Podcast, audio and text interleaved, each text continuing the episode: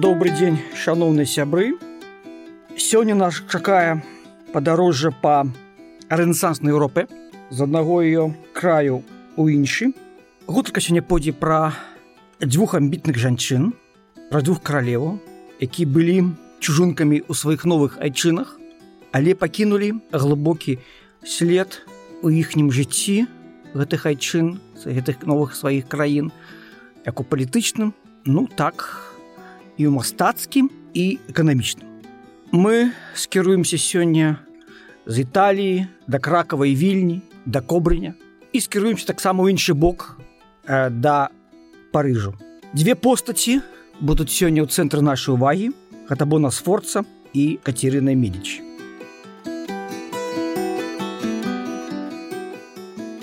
Яшчэ адна праблематыка, якую мы з вами сёння вельмі шчыльна закранем, гэта узнікнення і функцыянавання чорных легенд. Ну таких ведаеце устойлівых адмоўных стэеатыпаў якія пашыраюцца на цэлыя культуры і народы. Рэч тым што уяўленні многія еўрапейцаў 16 стагоддзя пра італьянцаў і асобных прадстаўнікоў гэтага народу добра ілюструюць механізмы функцыянавання чорных легенд. Гэта пры тым што Італія эпохі рэнесансу займала выключнае месца ў Еўропе на пачатку 16 стагоддзя на апенінскай паўвыспе пражывала каля 10 мільёнаў чалавек. Для параўнання давайте возьмем скажем все насельніцтва великого княства літоўскага ацэначна вядома складала каля одного мільёна 600 тысяч чалавек у каралевстве польскім жыло больш каля трех мільёнаў ну але бачыце все гэтай краіны э, не дацягалі па колькасці да Італія Італія з'яўлялася адной з самых урбанізаваных краін тагачаснай Еўропы у асобных яе рэгіёнах асабліва на поўначы каля чвэрці ўсяго насельніцтва жыло ў гарадах некаторыя з гэтых гарадоў былі вельмі значныя колькі жыхароў неапаль дасягала 150 тысяч чалавек венецы мілана каля 100 тысячи гены флоренцы ад 50 до 100 тысяч чалавек італьянцы былі лідарамі металапрацоўцы універсітэцкай адукацыі новай архітэктуры сакральнай і абарончай у іх руках было сканстравана больш за адной э, паловы экспарту англійскай воўны на кантынент. Яны займалі ключавыя пазіцыі эканоміцы Іспаніі і фінансавай сферы Францыі. Толькі на мяжы 16-17 стагоддзяў італьянцы сталі губляць сваю ролю на сусветным рынку. эпоху рэнесанса італьянская культура заняла ў Еўропе дамінуючай пазіцыі. Італьянскія прынцэсы і каралевы упрыгожвалі сталіцы Еўропы, у тым ліку Польшы, великого княства літоўскага, Францыі. Французскі карэльскі двор уся світа каралевы катерыны медічы размаўляла па-італьянску. На весельных балях, які доўжыліся 34 дні пасля вянчання Генрыха Гула і катерыны медічы 28 кастрычніка 1533 года італьянскія повары упершыню пазнаёмілі французскі двор з новым дэсертам садавіны і лёду Ну і гэта ведаеце што было першае у францыі барожана але італьянцаў і недалюблівалі у 16 стагоддзі увасабленні такой народнай нелюбові ну возьмем у двукосці гэты тэрмін стаў кардынал э, Джулія Мазарыні першы міністр Францыі у сярэдзіне 17 стагоддзя Мазарыні быў героем многіх мемуараў свайго часу. Его звычайна опісваць як чалавека хітрага і цынічнага але таленавітага і адукаванага Мазарыні здабыў вялік вядомасць таксама як мецэнат і бляфел яго кнігазборы склалі пачатак нацыянальнай бібліятэцы Францыі. Шырокім колам чытачу Джузепа Мазарыні знаёмы паводле авантурнага рамана Александра Дзюма пра 20 гадоў. Ну это працяг трох мушкетёрах, наколькі вы ведаеце. Літаратурны вобраз Мазарыні даволі блізка блізкі да рэальнага. Але Дзіма ўсё ж надала яму некаторыя фанадныя рысы. Дык вось сябры. Сімвалам італьянскага ўплыву у Еўропе 16 стагоддзя можа быць лёс дзвюх каралеў Боны Сфорцы і Кацерыны Медичи. Давайте звернемся до королевы Бонны Сфорцы, чужеземки и реформаторки. Дочка миланского герцога Джованни Галяци Сфорца Бона, якая ў 1518 годзе стала другой жонкай караля польскага і великкага князя літоўскага жімота старога, увайшла ў гісторыю як неардынарная і уладная асоба. Калі Бона Сфорца ад'язджала ў сваю новую айчыну, ее суправаджала світа з больш чым 300 італьянцаў. Лад жыцця які усталяваўся на кракаўскім і віленскіх дварах, прывёл да пашырэння сярод арыстакратычных колаў Польші великкаго княства літоўскага многіх культурных і тэхнічных дасягненняў спажывецкіх прыхільнасцяў эпохі рэнесансу у тым ліку і кулінарнае меню. От найбольш яскравым нововвядзеннем эпохі боны лічылася так званая валоччына. Ну гэта пашырэнне ужывання гародніны. Памідораў, спажывай фасолі, артышока, квяцістай капусты, брокалі, шпінату, а таксама разнастайных спецый і прыпраў. Агародам створаным нававелі, ну так каралевскі замку кракаве апекавалася сама каралева. Тут вырошчвалася шмат экзатычных для таго часу раслін.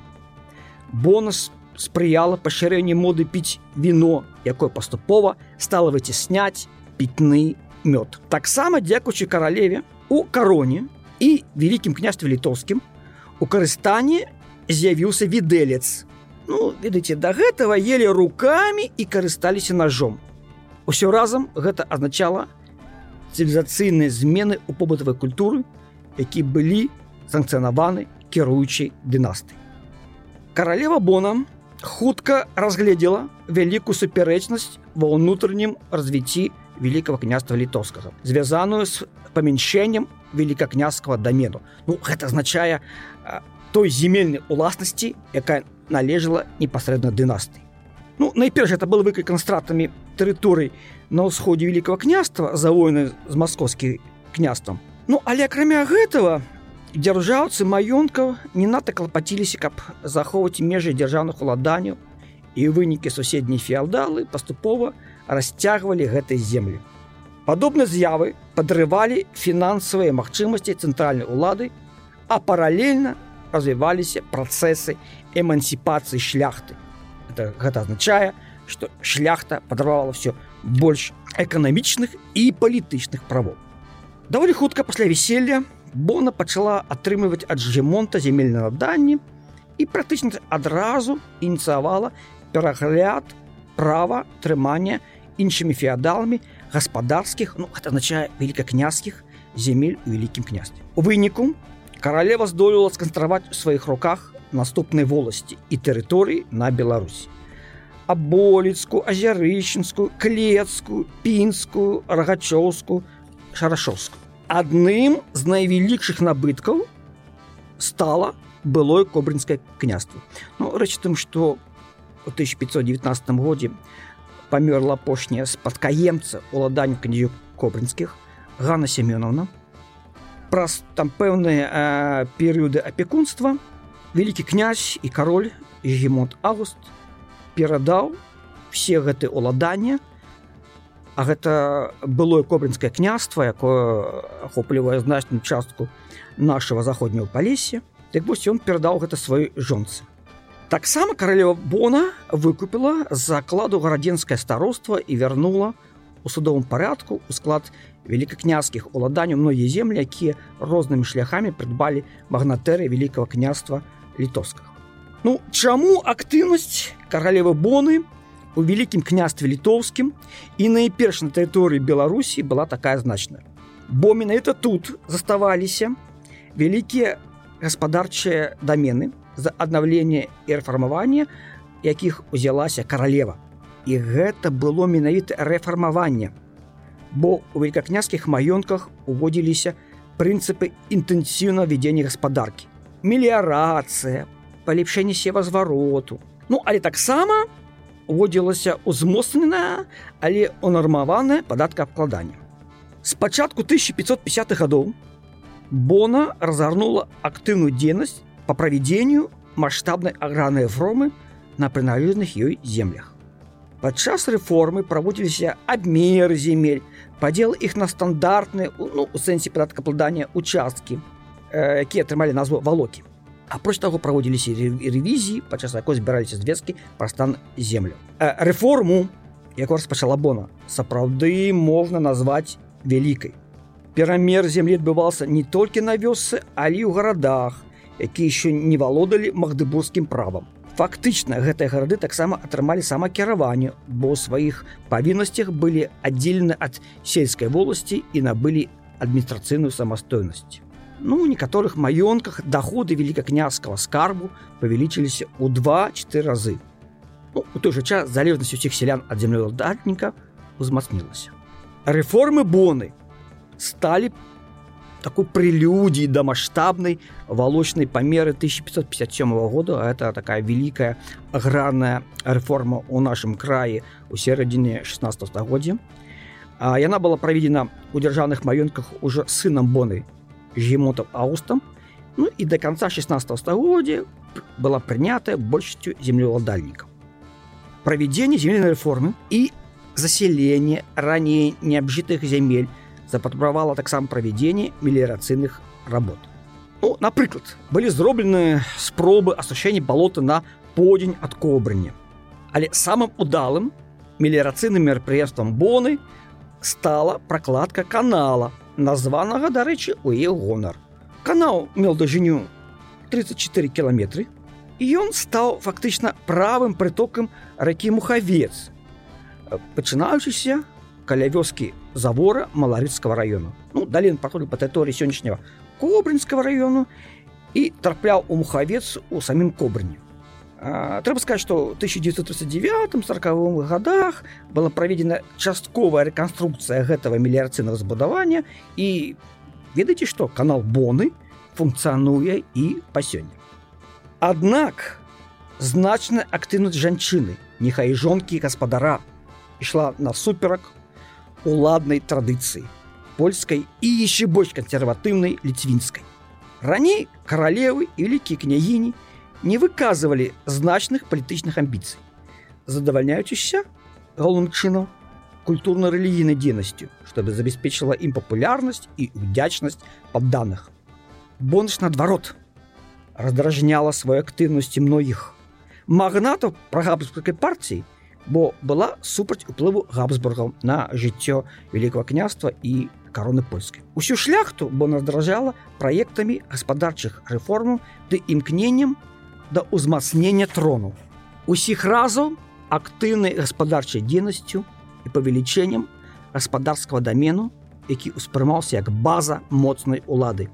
І адзенні выклікалі падазрэнні шляхты і абурэнні магнату важной прычынай грамадскай непрыхільнасці да бонь была давайте прызнаемся і ксенафобія сваякі каралевы якія прыбывалі да яе атрымлівалі доходныя бенефіцыі ну такія кажем пасады якія прыносілі добрыя прыбыткі і вось гэта абуджала зайздрасць шляхта наўпрост абвінавачала бону што маёнткі якія тая выкупляла абсаджаліся гультаямі і чужаземцамі ну это цытата конечно у двухкосе беру апроч таго шляхта не пра непакоился за прывіду італьянска абсалютызму вядомага паводле твору нікола макеавелі і у вачах шляхты бона была гэткім макеавелі у спадніцы у вялікім княстве літоўскім галоўным антаганістам бона был лідар так званых сепаратыстаў альберг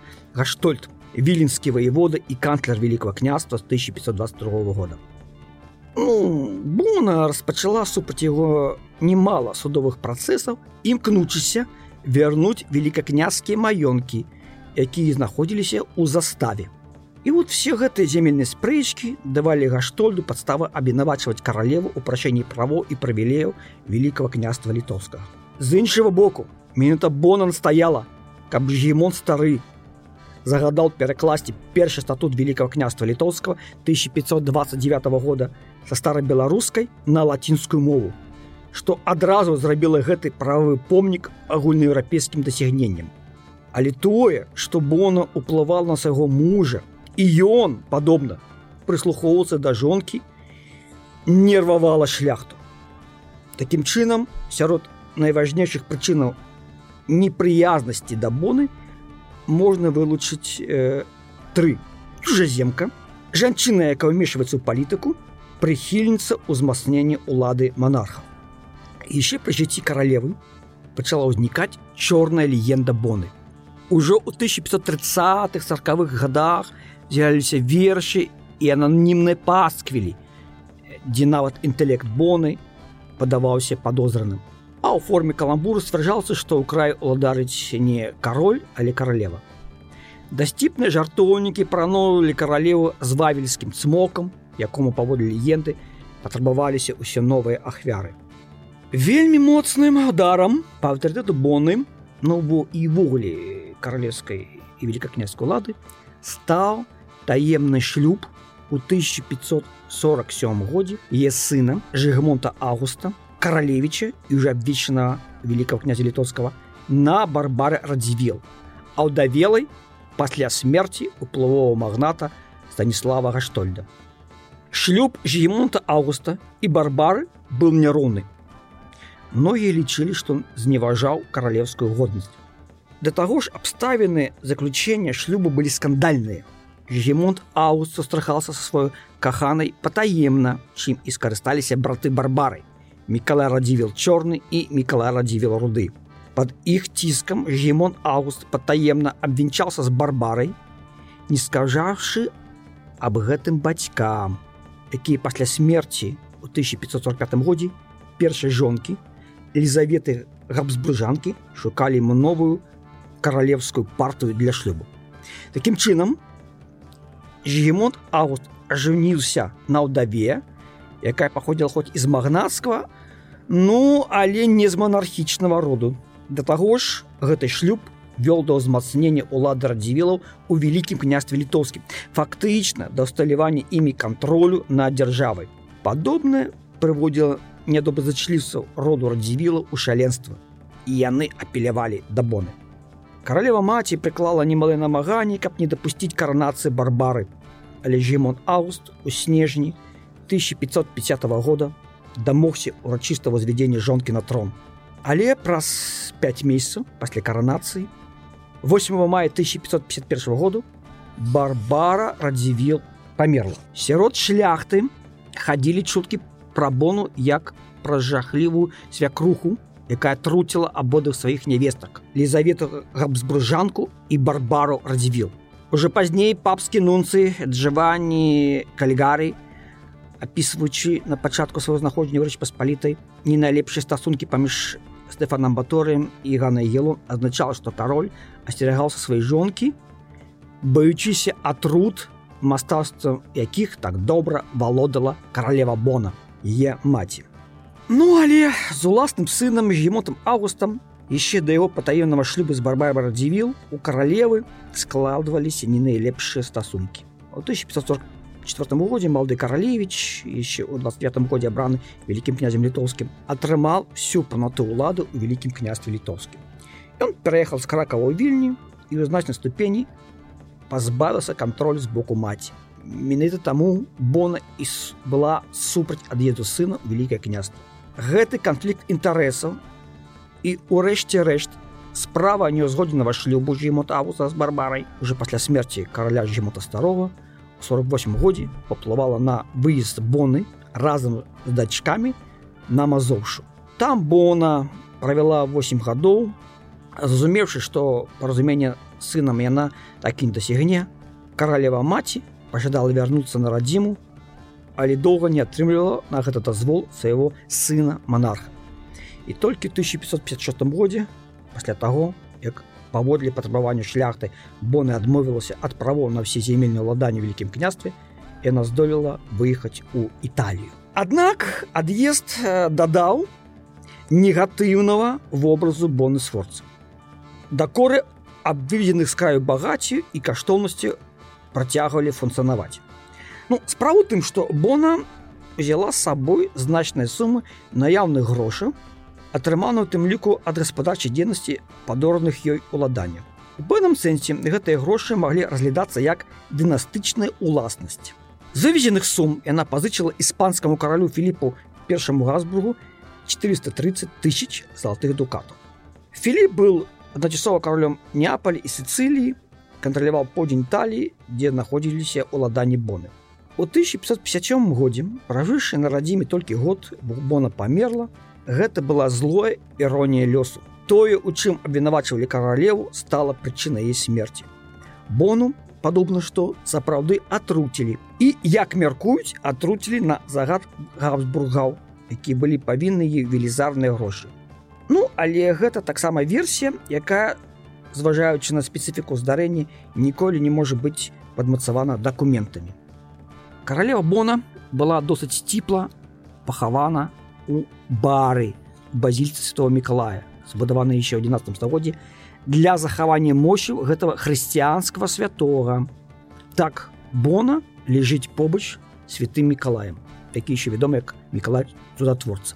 Дачка боны гана елонка заказала вырабіць для магілы сваёй маці на магіле якой захавалася да нашых дзён. Права ж на сродкі пазычаны філіпу другому аўтаматычна перайшло да жемота августа у далейшым дыпламаты рэч паспалітай прыклалі немалы намагання каб вярнуць гэтыя грошы частка сродка ну каля 10 процентов скажем так была вернута габсбургамі у 1575 годзе срэбнымі талерамі і паўталерамі. Гэта былі манеты з высокапробнага срэбра, прыведзены іспанскімі галеонамі з амерыкамі. Пасля контмаркіравання, ну такі нанесенне іншай сімволікі, скажем так, гэтыя талеры цыркулявалі ўжо ў нашым краю.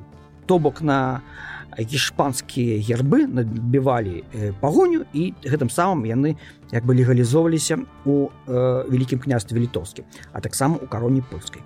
Ну але справа вяртання ўсей пазыкі расцягнулася на дзегоддзі, што толькі умацоўвала падазрэнні пра цьмянасць спраў боны ў маёмаснай сферы. Яшчэ ў пачатку 18 стагоддзя рэчпаспалітай безвынікова спрабавала вярнуць астатнюю частку суму. Сама ж пазыка атрымала такую метафарычную назву непалітанскія сумы, што адзначала тэарэтычна дацягальныя грошы, якія практычна немагчыма вернуць. Але вобраз каралевы атрутніцы, які прыпісваў сабонем, аказаўся жывучым. Паводле спавіну Альбрехта Станіслава Радзівіла кароль польскі вялік князь літоўскі Одзіслав четверт ваза асцерагаўся каб яго жонка не пайшла па шляху сваёй далёкай папярэдніцы каралевы боны і не пачала б выбудоўваць свой уплыў у сістэме каралеўскага двара ну вот а ў публітыстыцы сярэдзіны 17 стагоддзя бона узгадывалася побач з іншымі злымі каралевамі агульнай рысы якіх было тое што яны замежніцы аўтары твору лічылі што хто заўгодна збагачаўся нацыянальнымі скарбамі немцы італьянцы французы але толькі не ураджэнцы рэчы паспалітай такім чынам пачынаючы з другой паловы 16 стагоддзя для большасці шляхты каралева бона сфорца мела негатыўны вобраз меркавалася што яна маўляў дзейнічала не ў дзяржаўных інтарэсах польльши і великкага княства літоўска пры гэтым часта выкарыстоўвала атруты і была цэнтрам найбольш рафінаваных інтрыг. Характэрна, што абвінавачанні ва ўжыванні яду таксама раздаваліся ў бок суайчынніцы і сучасніцы боны французскай каралевы кацерыны медічы. Кацерына медічы як чорная каралева Францыі. Вобраз чорнай каралевы замацаваўся за кацерыны медічы пасля заўчаснай смерці яе мужа караля Генрыха другого кінуўшы выклік прадказанню астрологі лукі гарыка які параіў каралю ўспрымацца турніру генрых пайшоў на спаборніцтва летом 1559 года ён удзельнічаў у двубою з лейтенантам сваёй шотландскай гвардіі графам габрылем де мангомеры расщеплена дзіда мангомер увайшла у прорыс шлема караля і нанесла ему смяротную рану пасля смерти мужам Саркагадовая Кацерына абрала свой эмблемай зламаную дзіду і да канца дзён у знак жалобы насіла чорнае адзенне. Фактычна яна першую Францыі стала насіць жалобу чорнага колеру, бо да гэтага сярэднявеччы падчас жалобы ну, паводле старажытным дарпейскага звычаю апраналіся ў белае адзенне. Вось адкуль яе мінушка чорная каралева. Пры сваіх малалетніх сынах Кацерына медічым у сапраўднасці кантралявала каралевскую раду Аднак яна ніколі не кіравала ўсё дзяржавай, паколькі тая фактычна заходзілася на мяжы грамадзянскай вайны. Кацерына заклікала рэлігійных лідараў абодвух бакоў і католікоў і гугенотаў да дыалогу, каб вырашыць праблему іх дактрынальнага разыходжання. Пункт гледжання кацерыны на рэлігійнай праблемы быў у пэўным сэнсе наіўным, бо як сапраўдныя італьянкі эпохі рэнесансу яна разглядала рэлігійны раскол у палітычным ракурсе. Відавочна, што каралева недооценивала значнасць рэлігійных перакананняў сваіх французскіх падданых. З імем Кацерыны Медічым звязана адна з самых крывавых сторонок у гісторыі Францыі ранняга нового часу. Гэта вядомая нам варфаламеевская ноч 24 жніўня 1572 году, калі былі масава знішчаны гугеноты, то бок французскія кальвіністы. Гэтая рызня легла крывавай плямай на рэпутацыю каралевы маці. Геноты заклімавалі кацірыну як каварную італьянку, якая выконвала парады Нікола Макевелі забіваць усіх ворагаў адным ударам. Нягледзяч на тое, што сучаснікі абвінавачвалі каралеву ў планаванні разні, цяпер многія гісторыкі не пагаджаюцца з гэтым. Нема рэальных дакументальных звестах, што масавае забойства было спланавана загадзя. У наш час гісторыкі пішуць пра вархаўнеўскую ноч як пра неўдалую хірургічную аперацыю, якая выйшла з-пад кантролю. Тое, што задумывалася як адносна бейсбольная акцыя па выдаленню нарыву двукосць конечно беру этот тэрмін сэрца французскай палітыкі ператварылася ў грандыёзнае злачынства супраць вялікай колькасці падданых новая версія тых падзей належыць французскому даследчыку буржону які прапануе адмовіцца ад ранейшых стэеатыпаў он мяркуе што 23 24 жніўня 72 года у парыжу спутнул феадальны бюржскі мяцеж супраць абсалютызму дзе шалёная жорсткасць натопу суседнічала з прадуманым планам дзеянню яго закулісных кіраўнікоў кароль карл 9 каралева маці кацеры на медчы спрабавалі спыніць пабоішча, але апынуліся бессільнымі. А і без таго слабы дзяржаўны апарат выйшаў з падпадкавання, паралізаваны дзеямі феадальных груповак. Праўда, таксама заключаецца у тым, што Кацерына імкнулася найперш да забеспячэння дынастычных мэт, а ўжо потым нацыянальных інтарэсаў Францыі. Палітыка кацерыны можа быць расцэнена як шэраг адчайных спробаў утрымаць монархію і дынастію валуа на троне любой цаной. Менавіта таму яна лабіравала абрання аднаго з сваіх сыноў Генрыха каралём Польшы і вялікім князем літоўскім. Хоць калі меркаваць па ўласных лістах каралевы да канца сваіх дзён яна адчувала згрута сумлення, тлумачачы ўсе свае несчасці здзейсненымі злачынствамі у франеўскую ноч. Пошукі шляху перадольні крызісу Францыі былі для яе пакутлівымі. Чорная легенда Кацерыны медічым пачала ўзнікаць яшчэ пры яе жыцці. У Францыі 16 стагоддзя каралева уяўляла сабой выдатную медішень для нападаў, распалення ксенафобій, сацыяльнай фанаберій і жанчына ненавісніцтва. Як флорентыйка па паходжанні яна паўставала ў свядомасці французаў падманчыцай і атрутніцай па натуры. Да таго ж кацерына паходзіла з роду медічы, ну это выскачак, якія узняліся на гандлі і банкаўскай справе. Але, але не былі ну, настолькі прароднымі арыстакратамі. Пасля ж варфаламеўскай ночы сталі з'яўляцца геноцкія памфлеты, накіраваныя супраць каралевы.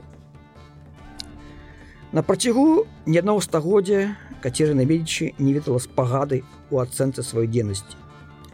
То, што яна была жанчынай, чужаземкай і належала не да манархічнага роду, рабіла ее аб'ектам для нападак і нават ператварыла ее адыозную фігуру ў парманні з каралямі пераемнікамі генрыхам четвертым людовікам 13 і людовікам 14 якія былі вядомы не меншымі рэпрэсіямі супраць генотаў майстры пензля традыцыйна малявалі кацерыну медчу непрыгожай жанчынай з цяжкім позіркам вялікіх цёмных вачэй е называлі мадам гадзюка і італьянскі магільны чарвяк а ў раманах александра дзюма каралева марго графіні де мансаро 45 ну это трылогія пра генрыха наварскага эдылогія генрыха мана пра генрыха четвертого романа праспера Меремея, хроники королевы королевания Карла IX, она так и засталася увасабленнем зла, а так само ярким прикладом беспринциповости итальянца вучню Ми Микола Микиавелли. Хіба что только Анаре де Бальзак у своим сборнику эссе, який таки называется про Катерину Медичи, паспрабаваў зняць з каралевы адказнасць за жорсткасць за жорсткасць варфалмеевской ночи. Катерина Медичи заняла одно з найважнейшых месцаў у нацыянальнай міфалогіі французаў. На працягу усіх гадоў улады яна вела бясконцы перамовы саступаючы ці наадварот нападаючы. Яна павінна была любой цэной захаваць каралеўства для сваіх дзяцей. Пасля нечаканай смерці свайго мужа 40гадовая Катерина навічок у паліцы вымушана была ператварыцца ў спрактыкаваную і мужную абаронцу сваёй дынастыі і новай радзімы. Гэтая барацьба паступова ператварылася для яе ў штодзённую працу. Аднак інтарэсы каралевы не зводзіліся толькі да штодзённых клопатаў. Будаваліся палацы, прыгожваліся гарады. Каралева маці строга сачыла за вырошчваннем прыведзеных у краіну экзатычных культур. Таксама як і бонасфорца Катерина Медачы аказвала значны ўплыў на моду свайго двара і сяго каралевства. У 1550 годзе она забарані забараніла тоўстыя гарсажы. Гэта тычылася усіх наведнікаў каралевскага двара. На працягу наступных 350 гадоў жанчыны па всей Еўропе апаналі гарсеты з матускамі, каб як мага больш звозіць талію. Калекцыя Катерины Медичи, якая складалася з карцін, стала часткаю мастацкіх збораў Лура. Таксама яна была адной з самых упловых асоб у кулінарнай гісторыі.